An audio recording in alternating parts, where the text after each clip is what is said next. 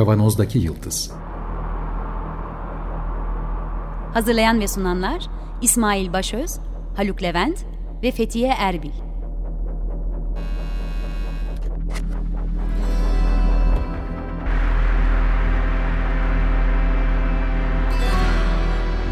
Bugünün penceresinden geleceğin ayak izleri. Merhabalar Açık Radyo'dayız. 95.0 Kavanoz'daki Yıldız programında sizlerle beraberiz yeniden. Geleceğin ayak izlerini sürmeye devam ediyoruz. Haluk burada. Merhaba. Ben İsmail. Yapay zeka sularını dolaşıyoruz ve yine Zafer Demirkol'la beraberiz. Hoş geldin Zafer. Hoş bulduk, merhabalar. E, artık fahri program ortağımız gibi oldun Zafer sen bizim. Bu da bizi mutlu ediyor. Sağ olasın. Teşekkürler. Ben de çok mutluyum. e, evet. Geçtiğimiz hafta yapay zekanın vaftiz babası diye lakaplandırılmış olan Jeffrey Hinton'ın hmm, biraz da provokatif söylemlerini konu alan bir program yapmıştık. E, neden provokatif diyorum? Programdan sonra e, güzel övgüler de geldi ama Zafer aynı zamanda eleştirilerini de iletti hemen haklı olarak. Dedi ki Zafer ya yapay zekanın tehlikelerine karşı bir aktivist olarak tanımladığınız çok doğru Jeffrey Hinton'ın ama popülist bir aktivizm yapıyor da olabilir şu anda söyledikleriyle diye cevap verdi Zafer. Yani biraz e, abartarak da söylüyor olma ihtimali yüksek dedi. Yanılıyor muyum? Zafer? Yok doğru. Yani evet. onu da birkaç nedene dayandırdım hatırlarsan. Şimdi evet. bir tanesi Hani hakikaten o zamana kadarki söyleşilerinin yani hepsini dinledim diyemem ama hani çoğuna hani manşet olanlarına falan bakmıştım. Söylemlerinden çok daha farklı bir söylem var o söyleşide. Yani deyimler var, kavramlar var. Evet, e, buraya detaya girmeden önce ben kısaca hatırlatayım geçen hafta e, ne demiştik diye. Geçen haftaki programı dinlemeyen dinleyiciler evet. için mantık yürütebildiğini yapay zekanın söylüyor Jeffrey Hinton ki kısaca tekrar hatırlatayım. Mayıs ayından beri yazılım alanında aktif çalışmayı bırakıp yapay zekanın tehlikelerine kaç çekmek üzere birçok çalışmaya katıldığını söylemiştik. Mantık yürütebildiğini hatta yapay zekada empati olabilir mi sularına çektiğini e, bunların biraz fazla abartı olduğunu konuştuk daha sonraki programdan sonra. Evet ya, şimdi şunun, şunun altını çizeyim hemen. O empatiden bahsederken kendisi uyarıyor zaten bunun bir spekülasyon olduğunu. Bu lafı ettiği zaman arkadaşlarının çılgın mısın sen ne biçim konuşuyorsun falan filan dediklerini güçlü bir argümantasyonun olmadığını hissettiriyor orada açık konuşmasında. Evet, o programda e, bahsi geçen Haluk'un söylediği bir arkadaşıyla da tartışmış diye e, söyleyip evet. üstünü kapatıp çok da isim vermediğimiz kişi Yan Lekundu. Yani yapay zekanın e, diğer babası. Diğer babalarından biri. Üç tane galiba değil mi? Bir de Aileden. Aileden. Üç dört tane var bu babalardan. Birazdan isimlerden bahsederim. Anne yok mu abi hiç ortada? Ben anlamadım. Var. Var. E, Stanford'da Andrew Ng ile çalışan yine ilk e, Computer Vision'ın en büyük data setini oluşturan bir e, öğretim görevlisi var. Şu an birazdan aklıma gelir ismi. Ha evet. Daphne Koller. O da analarından biri kabul ediliyor. Oh be yani. E, Andrew, yani... Andrew Ng de yine babalarından biridir. Diğer bir isimdir. Andrew Ng. O da hani ilk çağdaş anlamda derin öğrenme yapay sinir ağlarının temelini atmış bir, birisidir. Yine Stanford'da hocadır kendisi. Hocaydı daha doğrusu, profesördür. Halen de e, gibi yani böyle büyük e, bir organizasyonun başka organizasyonlarda aktif olarak çalışıyor. Yardımcı öğret e, profesör görevine de devam ediyor galiba Stanford'da öyle Evet evet. Tam da öyle. Coursera'nın kurucusu ve e, akademisyenlik e, O da mesela şey Hinton'a karşıdır. E, yani Evet. Şimdi, evet. Onun da görüşleri Yan Lekun'la olan Yan Lekun'la olan tartışmasını sen bizim küçük kendi grubumuza paylaştın hemen. Hadi sana bırakayım sözü. Ee, Şimdi sondan başlayayım o zaman. Haluk Hoca tamam. da e, belirtti. E, evet şey orada mesela o kelime bile yani empati kavramını bile kullanması ki zaten onu yani zaten düzeltiyor sonda ama yani öyle bir kavram atıyor olması da o bizim söylediğimiz dikkat çekmeye yönelik bir e, çaba diyeyim. E, evet şimdi benim niye... söylediğim popülist lafı kötü anlamda anlamayalım hakikaten. Yani Ay, tabii, dikkat tabii, tabii, çekmeye yok. yönelik. Ben bu arada popülist demeyelim, şöyle diyelim. diyelim. Adamın bir derdi var. Bu evet. dert bu derdi e, insanlar ilgilensin diye abartıyor. Aynen. Evet. Aynen. Yani sanatta kullanılan vardır ya Aynen. işte. Çok Aynen. Kesinlikle katılıyorum bu Daha görüşe. iyi terminoloji oldu evet. Evet, kesinlikle katılıyorum bu görüşe. Yani onu ben de zaten seninle konuştuğumuzda bunu kötü niyetle veya kötü amaçla yapmıyor ve ben de evet. açıkçası bu çabasını destek yani katılıyorum bu çabasına. Bunu da söyleyeyim bu arada. Yani bir dikkat evet. çekmek gerekiyor. Ee, çok kontrolsüz gidiyor bazı şeyler. Buna dikkat çekmek gerekiyor. Ama o söyleşi onların standardı gözüyle bakarsak çok fazla e, dikkat çekici kavramları barındırıyordu. E, bunu işte demin söylediğimiz iyi niyetlerle dikkat çekmek için yapıyor. Yaptı kesin yani yapıyor şey değil. Hani bu popülizm uğruna dikkat çekmek vesaire yapanlarınkinden farklı bir şey. Benim o, o yargıya varmanın diğer argümanlarını söyleyeyim sana. Diğer bir nokta mesela orada mantık yürütme olarak da çevirebiliriz. Reasoning diyor. Yani akıl yürütme de diyebiliriz. Mantık yürütme. Neyse yani burada bu günümüz teknoloji yani yapay zeka teknolojisinden farklı bir şey söylüyor. Yani işleyişinden farklı bir şey söylüyor. Tamam mı? Teknik anlamda söylüyorum bunu. Yani çünkü günümüz e, yapay zekasında yapay zekası akıl yürütme e, tekni, tekniğiyle çalışmıyor. Şimdi bunu geçen programlarda da dilim döndüğünce anlatmaya çalıştım. Şimdi bunu söylüyor.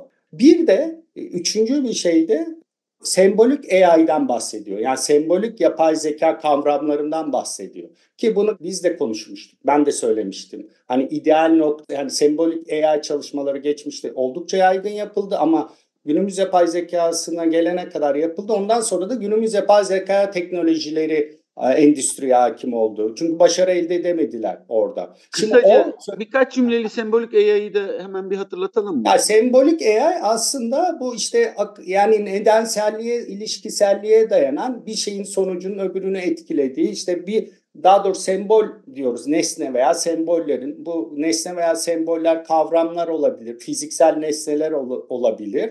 Ee, diğer nesne ve e, yani diğer sembollerle olan ilişkileri, bağlantıları ve bunların e, birbiriyle olan etkileşimleri.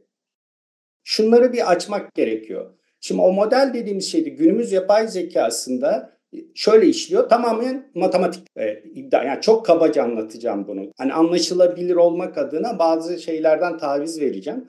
E, tamamıyla matematikle çalışıyor. E, fakat sembolik AI şunu iddia etme e, iddiasındaydı. E, daha düzgün bir Türkçeyle söyleyeyim. E, ben yaşamı modelleyebilirim. Sadece matematik ol, yani sadece matematikle değil, değil, başka unsurlarıyla da. Yani işin içine işte o bizim söylediğimiz o bilişsel insana ait zeka. Ben derim onu bilmiyorum herkes diyor mu ama insansı yaratıcılık, insansı zeka gibi kavramların olduğu yani bilişsel süreçlerin, duyguların, iradenin, etiğin vesaire yani bize ait, bizim zekamıza ait. İşte o insana ait unsurları da içeren ve onun sonucunda bir takım hareketlere yönlendiren ilişkileri tanımlıyor aslında sembolik AI. Ee, sadece matematik değil. Tabii burada matematiği de farklı bir sürü disiplini de içerebilir bu. Şimdi burada aslında ideal olan da yani geçen programların birinde de söylemiştim. Aslında bu hem matematik hem de bu insanı insansı bir takım faktörleri de bir araya getirip e, yani insana yakın zekayı oluşturabilmek ideal bu zaten. Yani esas ideal bu. Ama günümüzde olay böyle işlemiyor.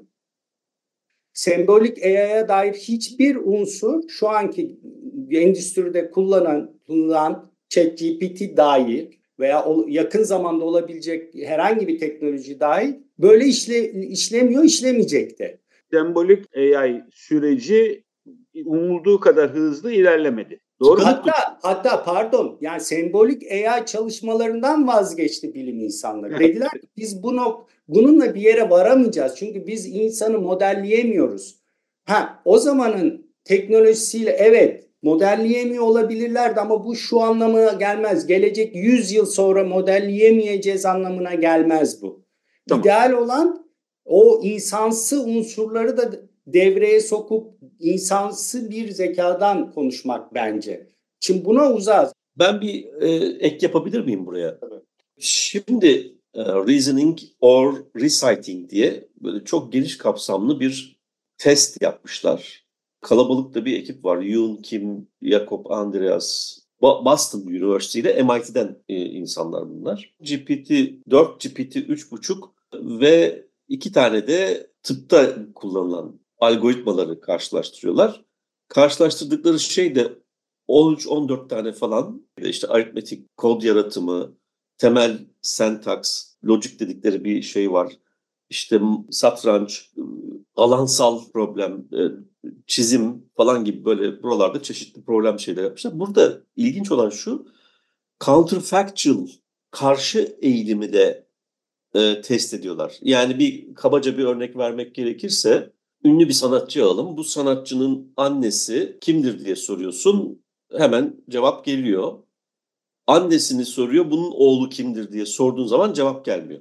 Yani bu counterfactual olarak tanımlandığında. Yani ya da çok zayıf hatta o ünlüler özelinde cevap gelmiyor. Şimdi bu makale teknik bir makale. Orada şöyle bir tanım var. Yani bu biraz e, benim en azından aklımı berraklaştırdı. Yani düşüncelerimi berraklaştırdı. Şimdi senin de bahsettiğin gibi X'ten Y'ye doğru bir nedensellik tanımlıyoruz. Değil mi? Bütün mesele o zaten. Yani bu nedenselliği çeşitli istatistiksel yöntemlerle parametrik halde tanımlamaya çalışıyoruz. Bunu tanımlamayı başarırsak çünkü ondan sonra benzer olaylarda bu e, süreci tekrar ederek ya da taklit ederek o parametreleri kullanarak yani tahmin edilmiş parametreleri kullanarak sonuç elde edebiliriz.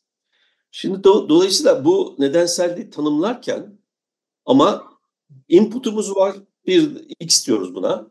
Y var outputumuz arada da bir fonksiyon var. Yani bu istatistikte çok farklı farklı e, isimlendirilebiliyor. İşte transfer fonksiyonu diyor, loss function deniyor, işte estimate, estimation function deniyor bilmem ne falan filan. Bazılarında hiç bu fonksiyonla ilgilenmeyiz. Sadece inputla output arasında time, mesela time series'de falan böyledir zaman serisi analizlerinde e, girdi ile çıktı arasındaki bağı e, tarif etmeye çalışırız. Ama bunu anlamaya çalışmayız. E, ki yapay zekada kullanılan istatistiği çoğu, bir, birçoğunda bu tür e, yaklaşımlar var.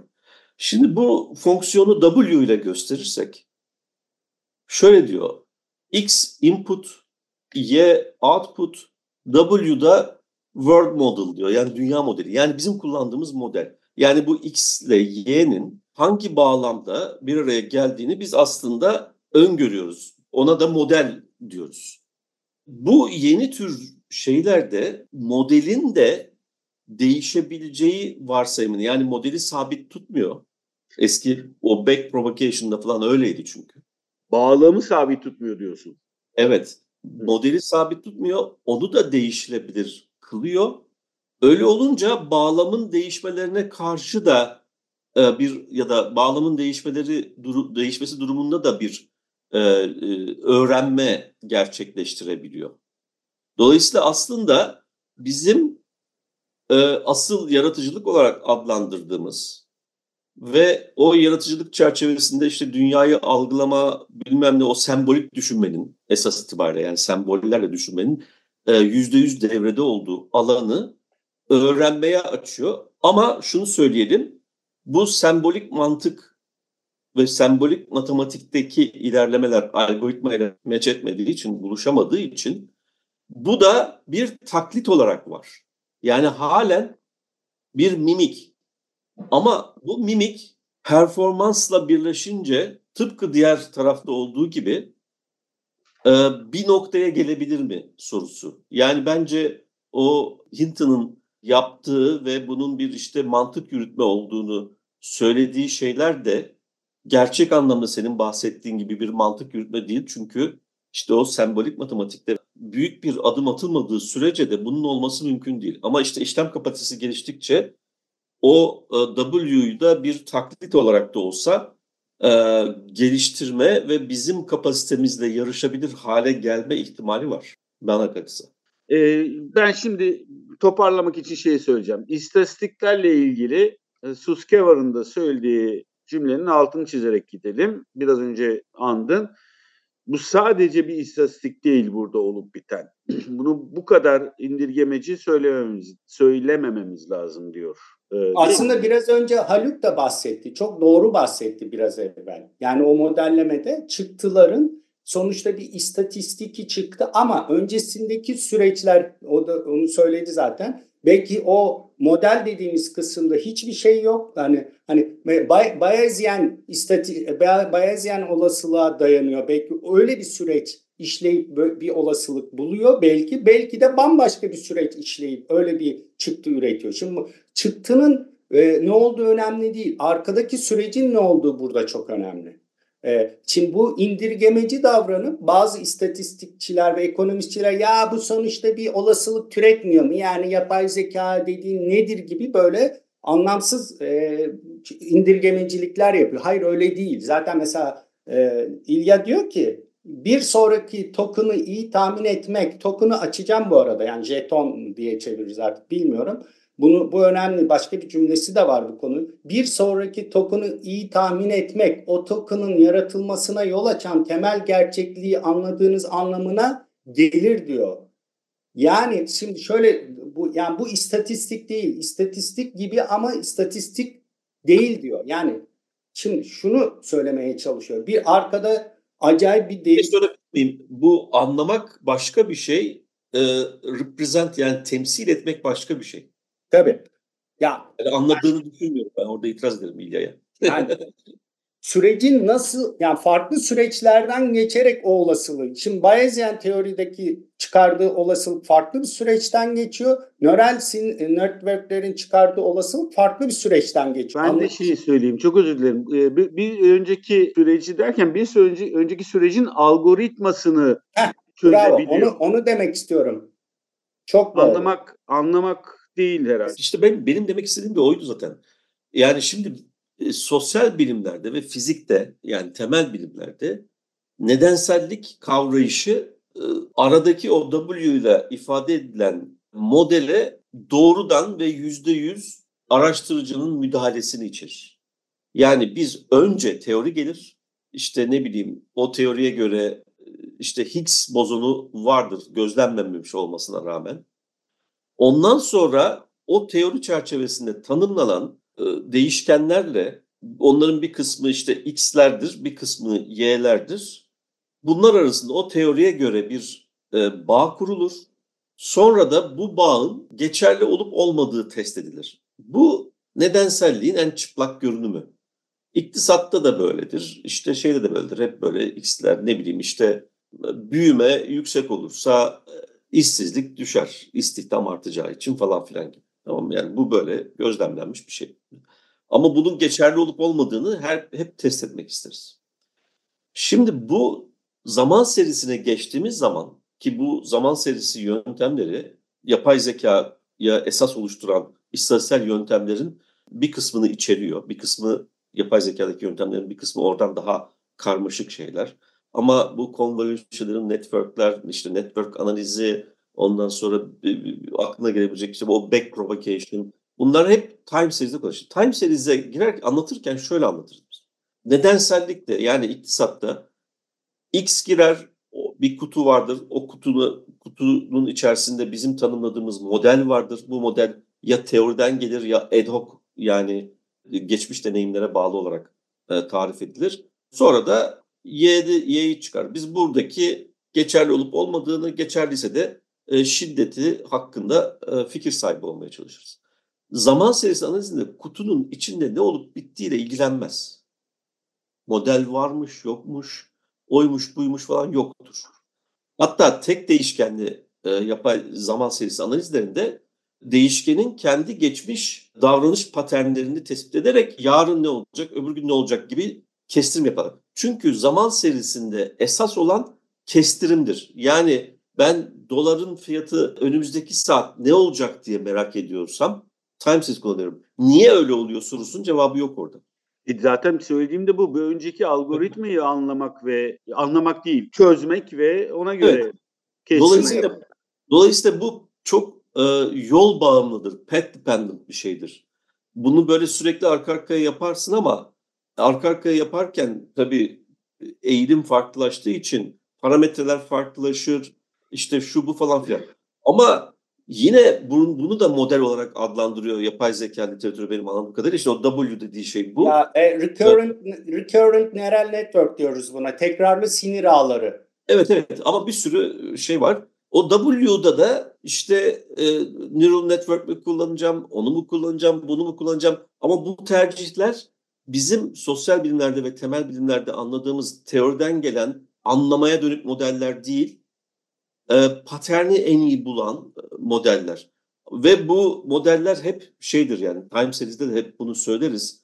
En yüksek performans T artı biri yani bir sonraki dönemi temsil şey kestirmek için e, kullanılır. Çünkü geçmiş değerlerin de tahmin edici olduğu durum söz konusu olduğundan time series'de e, T artı 2'de bu sefer T artı 1'de tahmin edilmiş değerleri kullanmak zorunda kaldığın için Hep bir sonraki adıma. e, evet performans düşmeye başlar. T artı 3'e daha çok düşer falan. Dolayısıyla bu hemen bir sonraki adımı tahmin etmek. O bir sonraki adım gerçekleştiğinde, gerçek veri girdiğinde yeniden proses çalışır. Bir sonraki adımı tahmin edersin. Yani böyle böyle gider. Buna da model diyorlar anladığım kadarıyla. Yani burada model dediği aslında tahmin edici diye bizim sosyal bilimlerde adlandırdığımız şey. Evet, aynen. Şimdi yapay gen yani şimdi şuna tekrar dönelim o zaman. Şimdi onların kastettiği yapay genel zeka yani bu biz e, bu tahminleri yapabilme, bu işlem hızında olabilme e, ise eğer bu hani son dönemlerde diyoruz ya bu yapay genel zekaya çok yaklaştık lafı çok geliyor kulağımıza.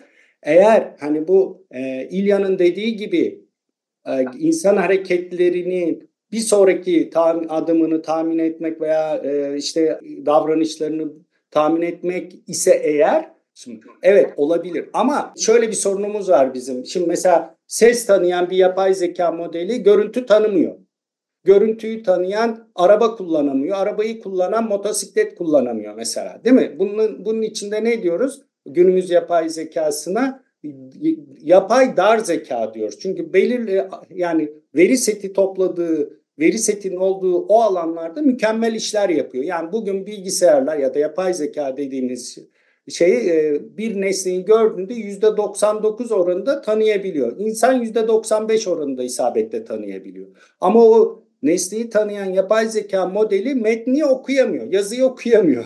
Başka bir şekilde söylersek burada bir ders anlatmayı düşünürken atıyorum akşam eve giderken ıspanak alacağını ve bunu hangi manavdan alacağını işte Ha. e, aynı anda bunlar kafasından geçmiyor. Yok mesela. yok hiçbirinin birbiriyle bağlantısı yok. Yani modellerin birbiriyle alakası yok. Fakat şimdi iddia edilen yani görsel modelin ses modeliyle, yazım metin modelinin e, ses modeliyle, görsel modeliyle alakaları yok. iletişimi yok yani. Çünkü olamaz. Çünkü hepsi bambaşka veri setleriyle eğitilmiş. Lecon'un bir tweetinde vardı galiba. Hedefli. O e, Hinton'la yaptığı tartışmada tüm bunlar Evet evet evet evet. tüm Aynen. bu Hedefli. e, tek hedefli tanımlar Evet, şu ana Evet, şu kadar an yaptıklarımız. kullandığımız bütün uygulamalar tek hedefli. Bunun içinde yapay dar zeka deniyor zaten terminolojik olarak. Yani üşeniyoruz dar ze- zeka demeyi. Günümüz yapay zekası yapay dar zeka diye geçiyor teknik anlamda literatürde. Yapay genel zeka değil yani bu yine. Yani şimdi bu iddia şu ki bu modellerin çoğalacağı birbiriyle iletişimi ve bu sanki bir genel zekaymış gibi. Yani şimdi ne kaldı ki geriye? Görseli tanıyoruz, sesi tanıyoruz, metinleri tanıyoruz. E şimdi zaten hızlı işlem yapabiliyoruz. Anormal tahminlerde bulunabiliyor. Bunların E iletişime zaten, geçmesiyle yapay genel zekaya yakın bir profil olabilir. zaten yani zeka tanımlarından bir bir tanesi de bu zaten. Şimdi buysa ki bir sürü tanımı var. E şimdi bunu tartışalım dediğim şey bu zaten. Eğer Peki. buysa zaten evet genel yapay zeka o zaman hani benim de tahminimden yani Ben mesela 100-200 yıl, 500 yıl sonra gelir diyordum. E, o zaman 50 yıl sonra gelebilir. Ama tabii ortada bir bulanıklık olduğu belli. Son cümle olarak söylüyorum. Eğer buysa yapay genel zeka diye söylüyorum. Tanımı buysa yani bu tanımdan gideceksek evet. Yani bilimsel olmayabilir zaman vermek ama bilimsel olmak için zaman vermemek evet, lazım. Benim bugünkü e, toplantıdan bir, e, bir bugünkü programdan bir dinleyici olarak çıkarımım şu kod yazan, yapay zekanın içinde olan bu konuda eğitimler veren Zafer Demirkol bile yapay genel zeka eğer buysa diye bir ya, tanımı var. önemli. Burada zeka tanımı önemli. Tamam Nedir? işte doğal olarak da yapay zeka tanımıyla ilgili bir muğlaklık hissettim. Peki.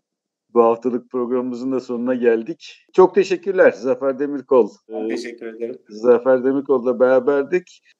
Önümüzdeki haftalarda da sohbet etmeye değişik konularda sohbetler etmeye devam edeceğiz. Bu programın size ulaşmasını sağlayan bütün Açık Radyo çalışan arkadaşlarımıza çok teşekkür ediyoruz. Program destekçimize çok teşekkür ediyoruz. Önümüzdeki hafta tekrar görüşmek üzere. Hoşçakalın. Hoşçakalın. Hoşçakalın.